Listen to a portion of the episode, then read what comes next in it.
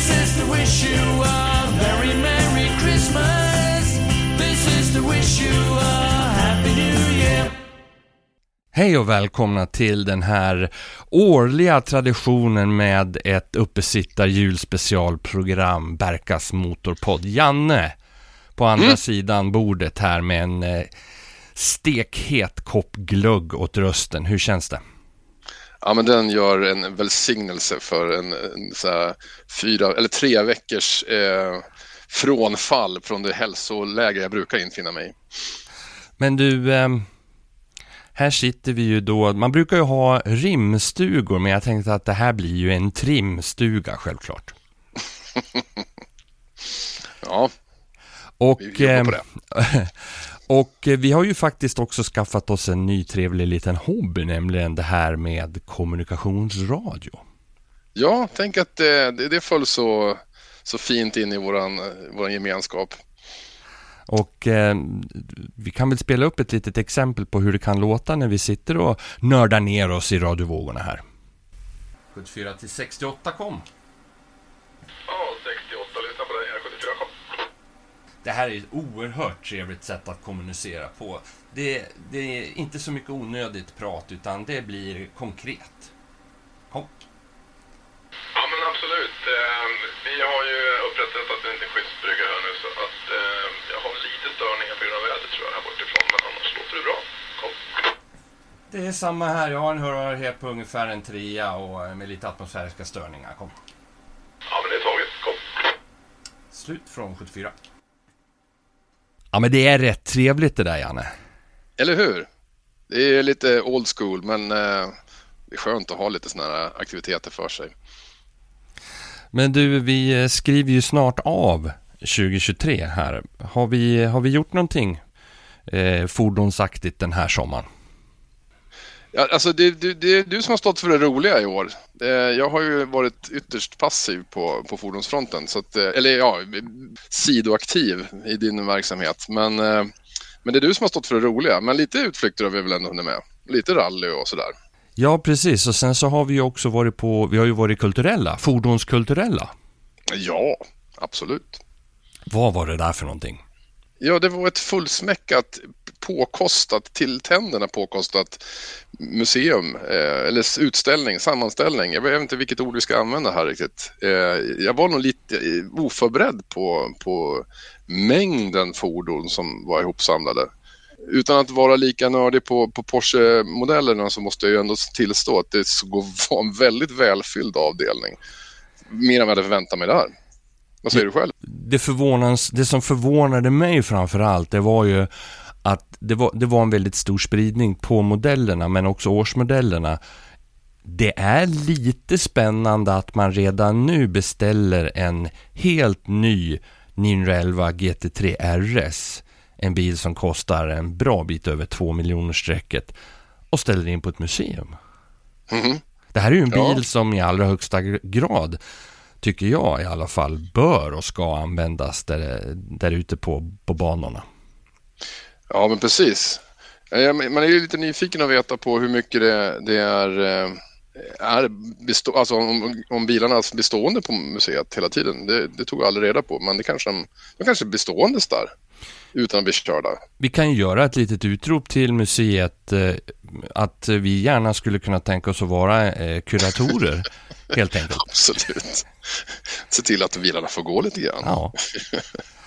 Självklart. Men den som inte har varit där, det är alltså två stycken gigantiska, eller gigantiska, men det är två stycken väldigt, väldigt stora och moderna eh, huskroppar som är placerade. Och där har man till bredden fyllt med diverse bilar helt enkelt. Ja, men det var väl totalt fyra våningar med fordon och eh, det, det var imponerande att se. Mycket imponerande att se. Ja, och det är ju inte bara, ska vi säga, de vanliga sportbilarna, utan det fanns ju även klassiska bruksfordon också som Ja, du, ditt Volvo-hjärta fick ju, fick ju dunka till lite grann där också med lite, lite Volvo-bilar, får man ju säga. Ja, och det är ju alltid kul att gå och checka av liksom, ja, ja. Ja, men det, men det var ett kul ställe, det, absolut. Vi, vi var väl där i någon timme eller två i varje fall och vände ut och in på, på hela utställningen. Och så tyckte jag ni hade ju fascinerande intresse för båtarna som stod utanför där också. Lite kul att du säger det där Janne, för att eh, vi hade ju med oss våran vän Tobias också som ju också är väldigt filmnördig och vi har ju en förmåga att eh, referera till olika svenska klassiska långfilmer och i det här fallet så var det ju Göta kanal. Och då har man alltså ute på gården ställt upp då de här två kombatantbåtarna ifrån den första klassiska Göta kanalfilmen. Vi är ju utav den eh, sorten att vi faktiskt hejar på the bad guys i filmen, alltså Uniship. Eh, därför att vi tycker att den båten och besättningen faktiskt trots sin eh, något dryga attityd naturligtvis och avsaknad av ödmjukhet ändå på något sätt vinner ens hjärta. Ja, Så där ju stod gått- ju alltså Uniship och båten Carina. Du måste väl nästan eh, nämna då att eh, någon reggplåt råkade väl kanske överensstämma med... Ja, det nörderiet eh, går ju på djupet även där och när jag fick syn då på att eh, registreringsplåten var ledig där för en av båtarna så nöp jag den och satte på min 911 helt enkelt. Som råkade vara med på resan. Ja, Ja, så det vart några fina bilder där. absolut. Och sen så åkte Ja. vi vidare. Det vart även i år lite bilfärjor, de här Vägverkets gula varianterna och det är ju alltid trevligt. Mm. Ja, nej, men det, det tycker vi alltid är mysigt att få, få gunga lite grann på böljan också. I kombination med bilarna. Nej, men det är trevligt. Det gick ju väldigt bra. Jag har fått lite mail här för att det är några lyssnare faktiskt som kommer ihåg våra tidigare samtal och eh, frågan är då, kan vi fråga Janne hur det går med hans folkabuss? Ja, uff, jag får skämmas igen. Nej, det går det är fantastiskt långsamt. Den, den ska igång, men eh, prioriteten har inte legat på bussen, tyvärr. Inte i år heller. Men du Janne, jag tycker att vi kickar igång uppesittaraftonen här. Vi har eh, bra med material och eh, intressanta saker att, att bjuda på ikväll. Så att vi lutar oss väl tillbaka och helt enkelt önskar alla som lyssnar på oss en väldigt god jul. Ja, men verkligen. Så nu fortsätter vi Berkas Motorpodd Trimstuge special 2023. Janne, vi eh, kör väl så vi trivs som vi brukar göra. Alltid. Nu ska ni få höra någonting bekant här i podden. Nämligen det här.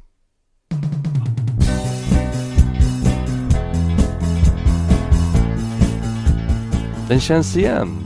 Poddens signaturmelodi som jag faktiskt skrev och spelade in hemma i mitt dåvarande vardagsrum för ja, 15 år sedan ungefär. Jag tänkte att vi eh, lyssnar lite grann på hur den är uppbyggd.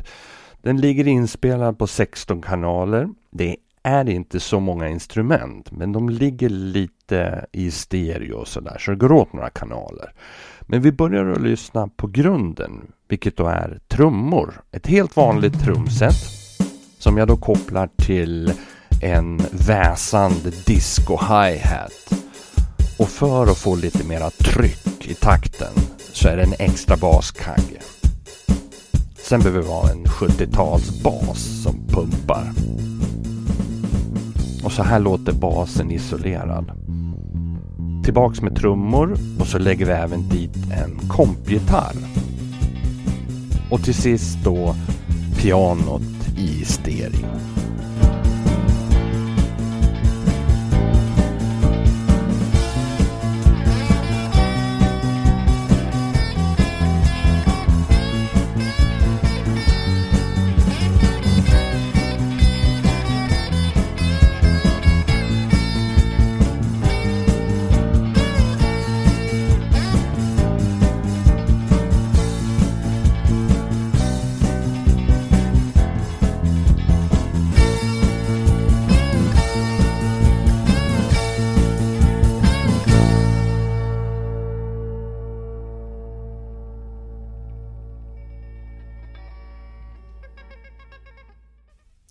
Att du befinner dig på en alptopp och snart så ska du slänga dig ut för stupet och njuta av en adrenalinkick av bibliska format. Vad vill du helst då ha på fötterna? Ett par träskidor av märket Elan eller de nyaste, häftigaste mountainskidorna ifrån Fölkel? Det handlar om valet av redskap, känsla och hur duktig du är som åkare. Vågar du pressa de 2,05 cm långa elanskidorna till fysikens gränser så kommer du förmodligen att stå som hjälte i afterskin. Med ryggdunkningar och fri dryck som väntar. Om du kommer dit. Är ditt val de mer moderna carvinglaggarna så får du tid att njuta av den hisnande utsikten om du ska beställa en Jäger eller en Liebwachter till ölen när du kommer ner. Men du får räkna med att betala själv. Att åka utför 1973 är inte samma grej som idag. Stenmark hade inte tagit sin första världscupseger ännu och fångrem var fortfarande påbud. 1973 är också den första och enda årsmodellen som ett annat redskap fick känna på alpluften. Nämligen Porsche 911 Carrera RS 2,7. Det är 911 911 och jag har fortfarande inte kört någon. Arbetet med den nya modellen började redan i maj 1972 när 15 ingenjörer började utvecklingsarbetet med vikt, chassi, aerodynamik och motor. Planen var att bygga 500 bilar för att få bilen godkänd i klassgrupp 4. Och den 5 oktober 1972 presenterades RSen i Paris. Knappt två månader senare så var alla bilarna sålda. Man fick ta fram fler och totalt byggdes 1580 bilar och nådde även klassificering till grupp 3. Det gick att få bilen i två olika versioner. En Leicht och en Touring. Valde du den förstnämnda så vägde vagnen 115 kilo mindre än Touringen beroende på preferenser och när i serien bilen byggdes. Man tjänade in vikten med hjälp av tunnare glas i rutorna och tunnare plåt i karossen. Det fanns inte heller något baksäte eller klocka eller mattor för den delen som aldrig sattes in. För första gången på en produktionsbil monterades en spoiler på bakluckan för att få mer aerodynamik. Och det behövdes eftersom den 2,7 liter stora boxersexan levererade 210 hästkrafter på endast 980 kilo. 0 till 100 avverkades på 5,8 sekunder i Leicht-versionen. Toringen ville ha ytterligare en halv sekund på sig. Toppfarten var otroliga 245 km i timmen och tänk nu på vilket år bilen kom. Den var nu den snabbaste serietillverkade bilen i Tyskland. En kär återkommande gäst, Erik Lund ifrån Uppsala, motorjournalist orakel med bokstäver i massor. Ja, tack för den presentationen. Som vanligt ett nöje att ha dig med här på den här uppesitta specialen. Det lackar ju mot jul, Erik. Ja, det gör ju det, påstår de. Får du några julklappar? Ja, tveksamt. Jag är så orolig för min önskelista att den inte blev klar i tid riktigt. Så att jag... Faxar man fortfarande eller brev? Ja, jag, fack... ja. jag håller ju på att parallellt utveckla min faxblogg också, så att det där går ju lite i varandra. Ja, precis. Och under mm. tiden så har du ju din elektroniska blogg. Just det. Erics Eleven. Precis, det är mitt lilla, min lilla pysventil i vardagen brukar jag säga. Som eh, tar mig med på roliga äventyr då och då. Och den eh, finns ju både länkad på Berkas Motorpods hemsida och sen så gör vi väl lite reklam för den här också tycker jag. Det tackar man för. Men du, året här nu då, 2023, har det varit något bilintressant för, för din del? Ja, det får jag nog säga. Eh, med reservation då för att eh, för ett år sedan när det var vinter förra gången och började bli vår så gjorde jag ju upp, eh, och det är likadant varje år naturligtvis, man gör ju upp sådana fantastiska planer på allt man vill hinna och utflykter man ska göra och bilar man ska träffa och människor man ska möta och eh, allt kul som ska hända. Men det där förutsätter ju då att man inte har något jobb eh, att sköta. så att eh, jag ska försöka göra en något mer realistisk eh, idé om eh, säsongen 2024. Men eh, förhoppningsvis ändå ännu mer fylld med roliga upplevelser och händelser. Det låter som ett eh, nyårslöfte det där. Mm. Och det vet man ju hur det brukar gå med sådana. Vi fick ju en liten försmak för några avsnitt sen. Du var ju faktiskt över till USA på den här stora bilträffen. Vad var det där för någonting? Ja, det är ju Porsches eh, numera gigantiska träff, Rennsport Reunion, eh, som äger rum på racerbanan Laguna Seca i Kalifornien. Och det är ju då eh, motorsportprofil, racingprofil. Så eh, Porsche tar dit eh, diverse bilar ur sitt museum. De samlar ihop eh, anmärkningsvärda tävlingsbilar från historien. En del moderna grejer också. Och så körs det som tusan på banan med de här klenoderna. Tävlingar upp och uppvisningar om vartannat. Eh, och där kan man då liksom gå och snubbla över 956 och 917 och 935 år i depån för att allting är öppet och tillgängligt. Så det är, eh, jag menar om man är på någon, ursäkta, lite obetydlig svensk racertävling ibland så får man ju liksom knappt tillträde till själva depån ens, utan det är så märkvärdigt och avgränsat och stängslat. Här kan man liksom knata in i depåboxen och stå och hänga över axeln på någon som håller på och meckar i motorrummet på en 962 utan att de verkar irriterade, utan det ingår liksom, man får knata runt och slå sig slang med folk och på området då så släntrar det runt en, eh, den ena legendaren efter den andra med Jackie X och allt vad de heter. Så att det är ett väldigt, eh, på samma gång upphöjt, där, liksom, där är de finaste bilarna och några av de absolut mest bemärkta tävlingsförarna i Porsches historia. Men det är en väldigt avslappnad och, och mysig kontext. Och om jag förstår rätt så under fyra dagars evenemang, varav jag var där två, men under fyra dagar så var det 91 000 besökare. Och det låter ju som att det måste vara helvetet på jorden med så mycket folk, men så kändes det inte. Utan det var väldigt eh, mycket gott om utrymme ändå så att säga. Fina möjligheter att komma till och titta på saker. Och nästan lika roligt att bara pysa runt i depån som att titta på det som hände på banan. Jag menar, det är så spektakulärt på något vis när de slår fyr på någon eh, gammal tävlingsbil som man knappt har sett på bild förut och så kommer den åkande för egen maskin genom depån och hostar och harklar och snörvlar för att ta sig ut och kunna löpa iväg på full varv ute på den här häftiga banan får man ju säga.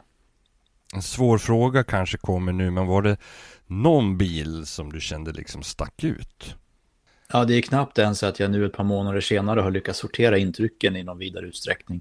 Eh, men jag måste ju säga att jag, det är ju häftigt med de här 956 och 962 den epoken. Eh, att och att de bilarna används, de kör med dem.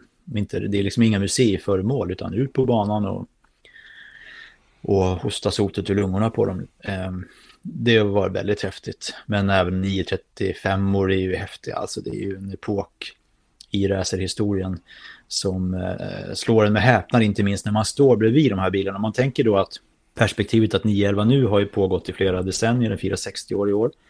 Men från den första lilla 911 som då började serieproduceras 64 var det väl. Så var det ju bara en 10-15 år som man hamnar rakt in i den här epoken med 934orna.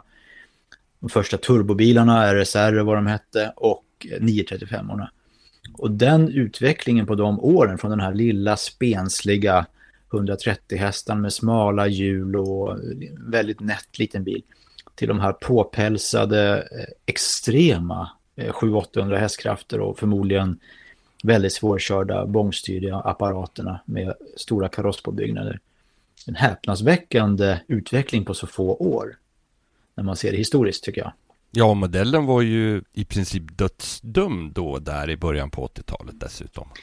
Det var den ju också precis att man trodde att man skulle gå över till andra modeller. Eh, men eh, den var ju ändå modellen som nästan all tävlingsverksamhet baserades på. Sen gjorde man ju prototypracers och sånt och körde lite 944 och även 928 var ju ute på tävlingsbanor men det var ju i väldigt perifert jämfört med det som 911-derivaten stod för.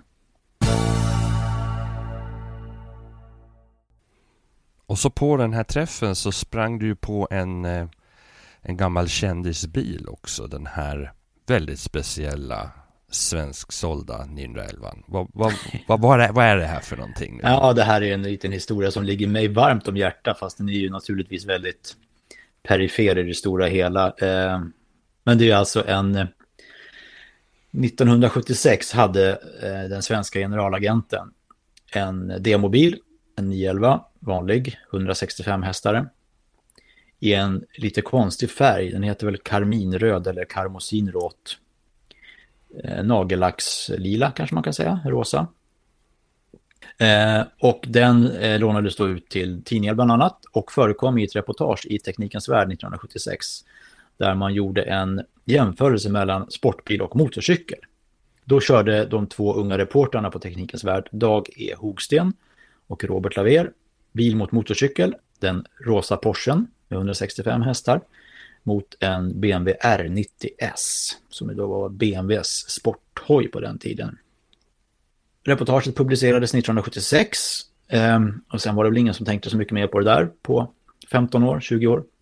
Det blir väl omöjligt för någon stackars lyssnare att hänga med i allt det här eh, som vi berättar nu. Men kontentan är då i alla fall att på Ranchport Reunion nu i höstas där jag var, dit kom Justin Roser med sin rosa Porsche med de nytillverkade fuskade svenska registreringsskyltarna och ställde ut den där på gräsmattan bland massa andra privatägda Porschar.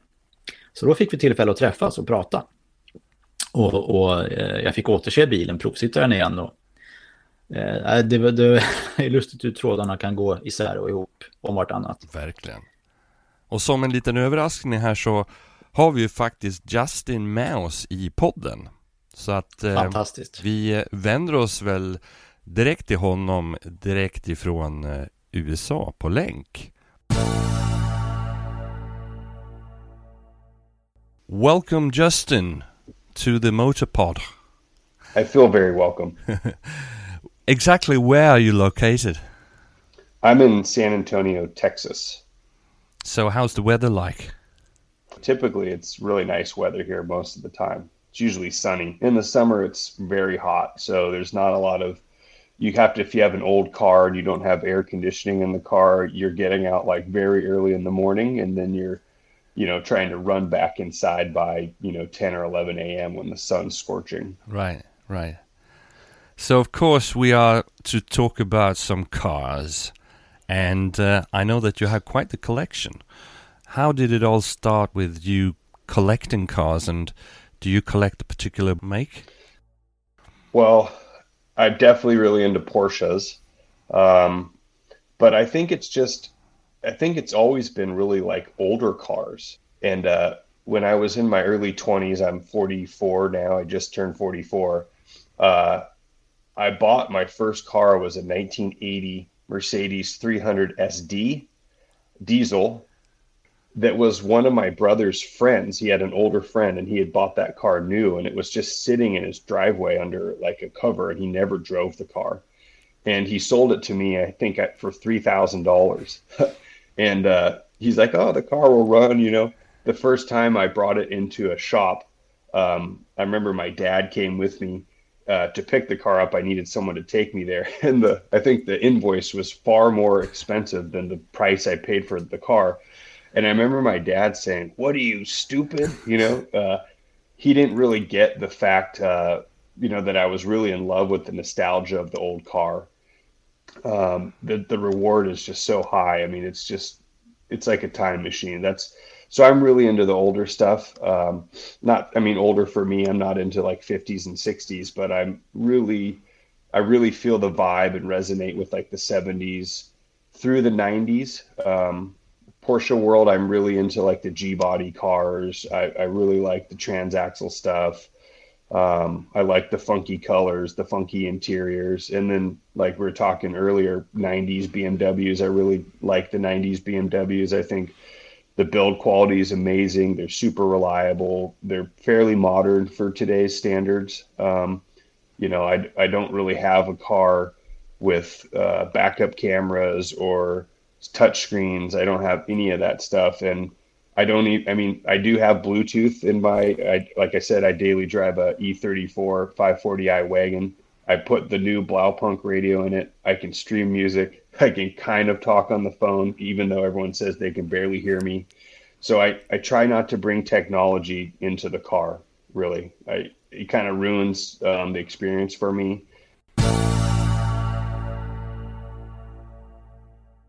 How about the start of the Porsche passion?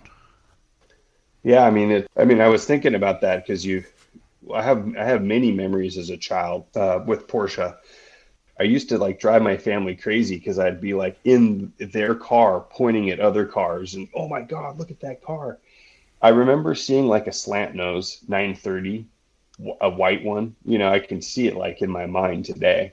Um, I was in the back of my parents' car in this 930 slant nose with like the slats on the side uh, it drove by and I just was like, whoa. I mean, and Porsche kind of was always like growing up like the the pinnacle car. I mean, obviously there's Ferraris and Lamborghinis, but I think I came from more of like uh like my dad was an engineer. My dad's from Denmark. I don't think he really looked at like Ferraris and Lamborghinis. I think he looked at like you know a Porsche or a Mercedes or a German car as like engineering perfection. So I never really got the like exuberance or the over the top Italian thing growing up. So Porsche was kind of like the pinnacle sports car. You know, I, I bought my first one in 2005 and I just never had any problems with it. I never had any mechanical issues. The car was simple. There wasn't like overly complicated electronics. So they're just reliable. Which one was um, it? I bought a 964 Speedster. Wow. Which was like, you know, it, and then that car was like in the mid $40,000. So I bought that car. Um, it had 28,000 miles, um, Recaro seats. It was a manual. And uh, I kept the car for like 10 years, you know, and I, and it was like my baby. I, but I used it. I drove it. I put my dog in it. I drove it all the way down to California several times. During that time, I was also doing a lot of music. I'm also very into music and recording or DJing. And I just used it, you know, and I enjoyed the car. And it got to a point though where they, they got really valuable.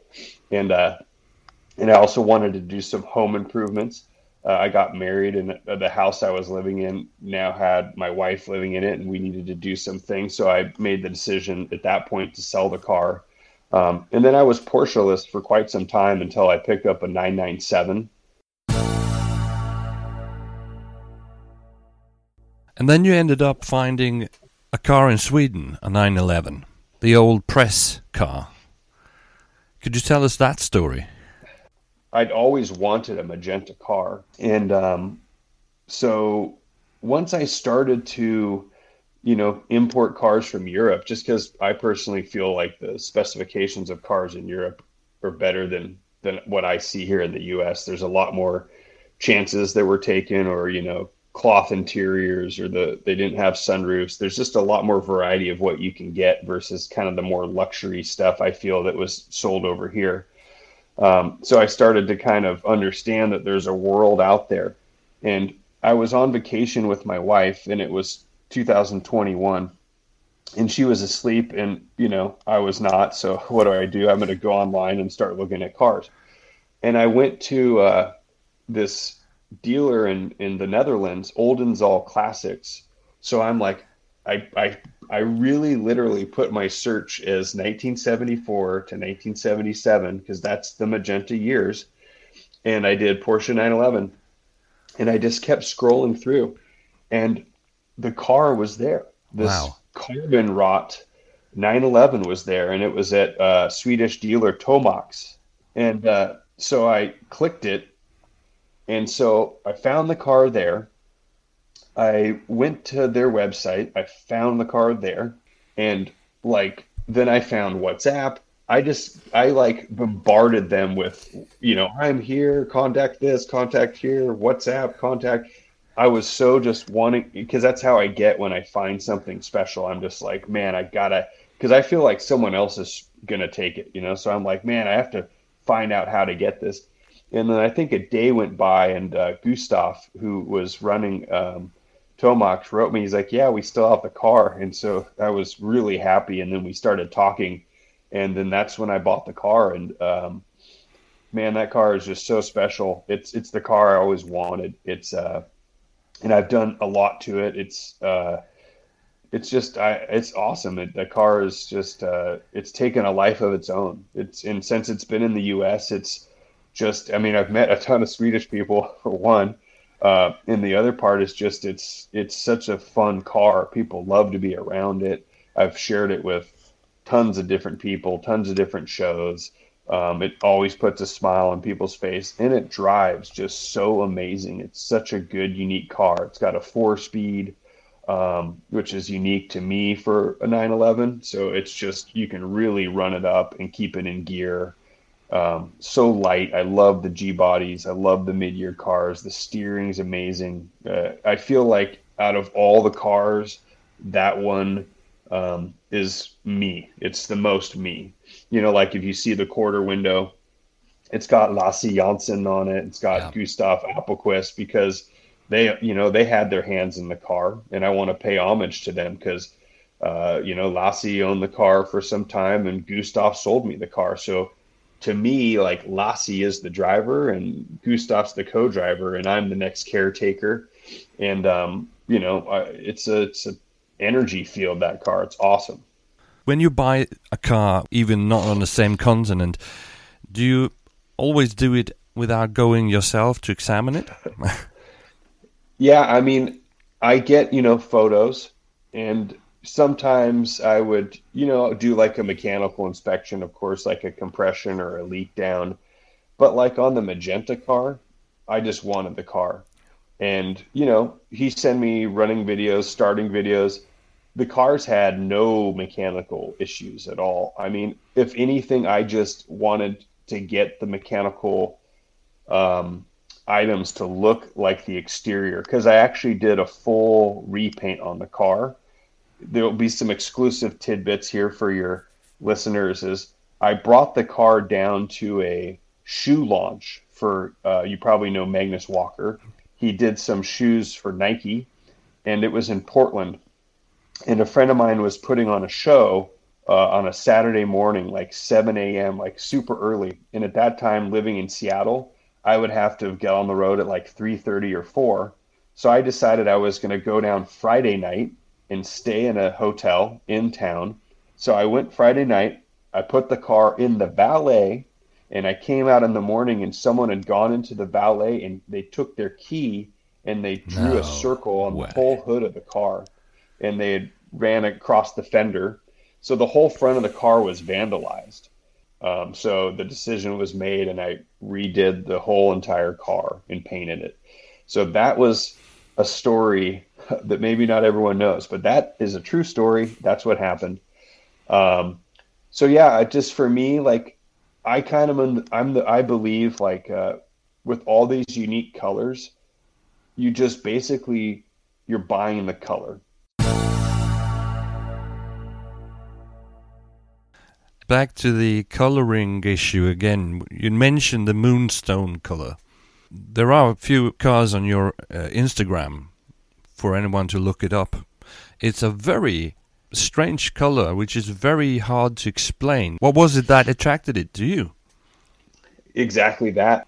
You know, it, the first time I saw it, you know, and most people saw it, it was on a 930 turbo, and it was for sale uh, in Connecticut at this dealership called Sloan Motors. And I think Sloan did a great job, or or someone, you know, Jalopnik picked up the car, and it kind of got out to you know the masses, which is really just us car geeks um, that this color exists and it's polarizing you know not everyone really likes the color. A lot of people don't get it or it's just not their thing. But it's so interesting because it's it's like white. It's like if you had a bucket of white paint and you put like four drops of purple in it it just it's this beautiful light um, lavender color.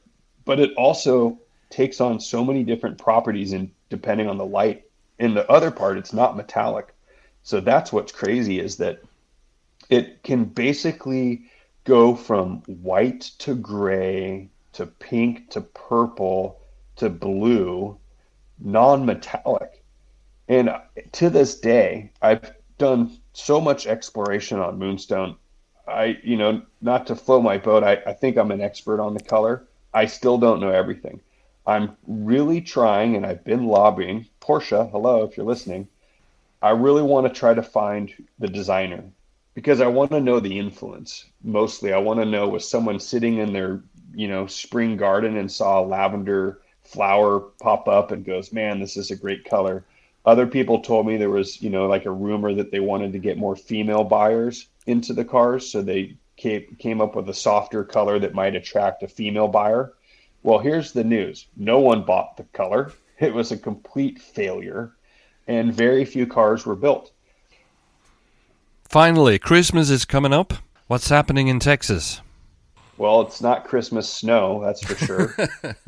I'll just be chilling with my wife. Uh, I've got my wife's from Argentina, and uh, her mother-in-law came up, so it's really just a small gathering of the three of us. And uh, car community here is just like vibrant, and um, I feel like really excited about it. We're all kind of we all get together every weekend. We have a cars and coffee. So I've met some really nice, special people down here. So we'll probably keep tabs with them and do something fun. Well, Justin, I hope you have a, a very Merry Christmas and it was a pleasure having you on the show. Well, thank you.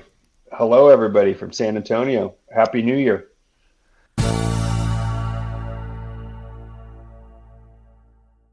När vi ändå är inne på det här med bilar, Erik. Har du någon sån här bil som, som står ut lite grann ur i minnesbanken? Du har ju kört tusentals bilar, men har du någonting sånt här som vibrerar lite grann? Ja, det, det, finns ju ett antal bilexemplar som har eh, etsat sig fast i, i själen, det får man väl säga. Men om vi ändå spårar lite på Porsche då, så måste jag säga att den första GT3, den, eh, den går aldrig att tvätta bort ur minnet faktiskt. Vad är det som är så speciellt med den då? Ja, men den var ju en sensation när den kom tyckte man. Då hade ju för sig då på 90-talet funnits de här RS-versionerna av 993 och så. De hade jag inte kört på den tiden.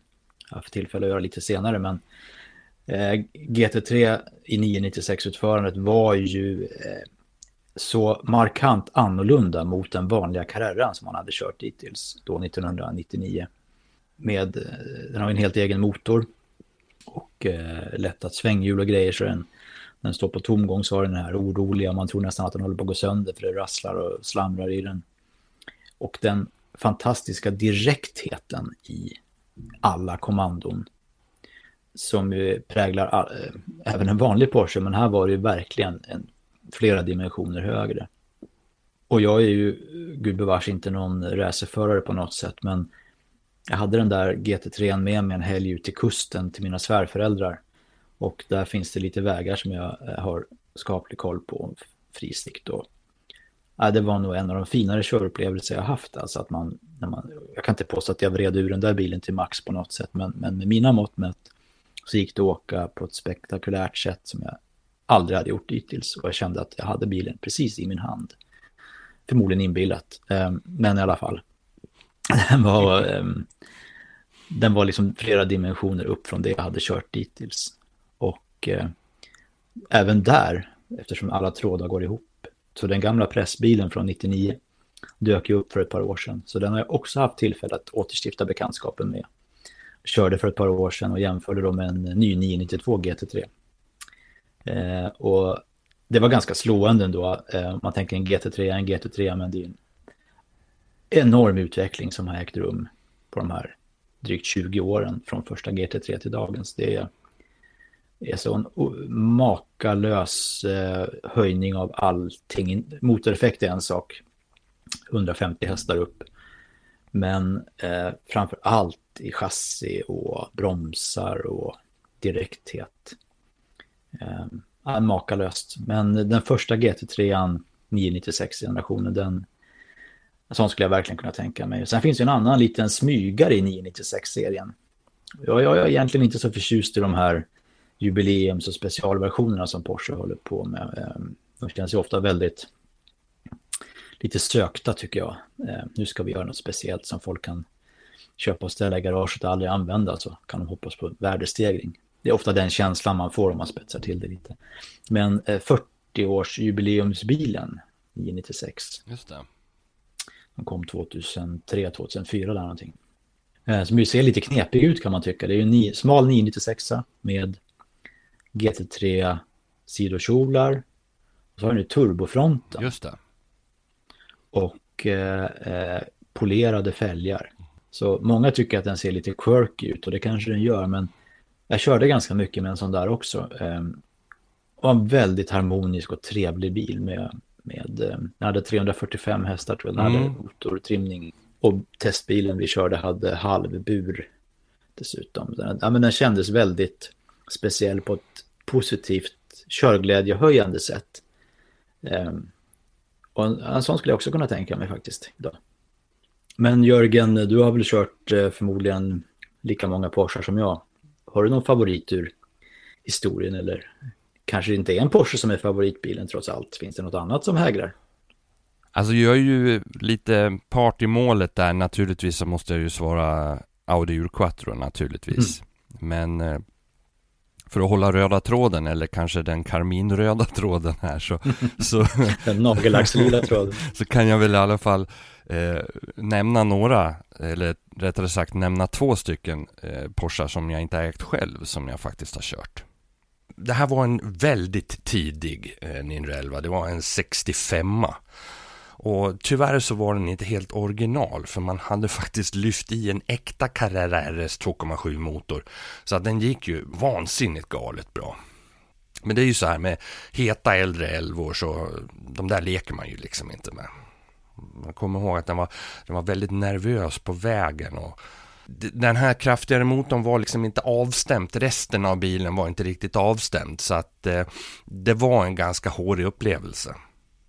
Det här var inte min bil heller så att jag ville ju liksom inte pressa den. Men eh, man vill, man, man vill ju hålla den lite snyggt i kurvorna och försöka njuta av ljudet. Det var inte så att jag försökte att mm, provocera fram några hemskheter. Att den försökte ha ihjäl dig, det var väl baksidan på den här bilen. En annan trevlig modell som jag har kört, eh, det var en bekant som hade en 911 Carrera Clubsport från om det var en 87 eller en 88. Eh, en mörkblå metallic. Och eh, den här fick jag nycklarna till och när jag satt med i den så kom jag ihåg att jag noterade att det fanns inget sånt här solskydd på passagerarsidan. Och sen hade man vridit varvräknaren så att skalan stämde när nålen stod rätt upp klockan 12. Då var det en röd markering där.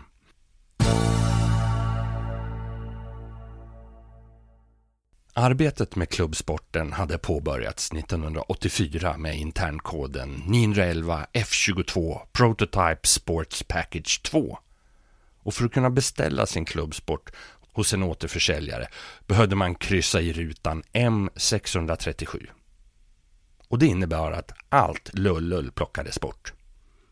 Inga elhissar, ingen AC eller taklucka. Borta var också den mesta ljudisoleringen och motorn var en blueprintad högvarvig boxer 6 som lämnade 231 hästar precis som den vanliga 3,2 Carreran. Men mätningar har gjorts och effektsiffror runt 250 har påvisats. Om du skulle råka ha en äkta klubbsport framför dig så kika ner på motorblocket och topparna för där ska det finnas en stämpling med siffrorna 8-1. På pappret så skiljer sig inte CSN så mycket från den vanliga Carreran men körupplevelsen den är monumentalt bättre. Klubbsporten är piggare, mer alert, ljudet tränger också igenom mer och bilen är tuffare ställd i chassit.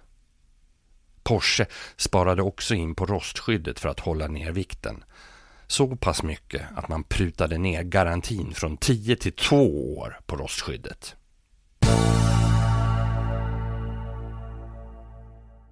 Ja hörni, det var allt för den här trimstuge uppesittarspecialen.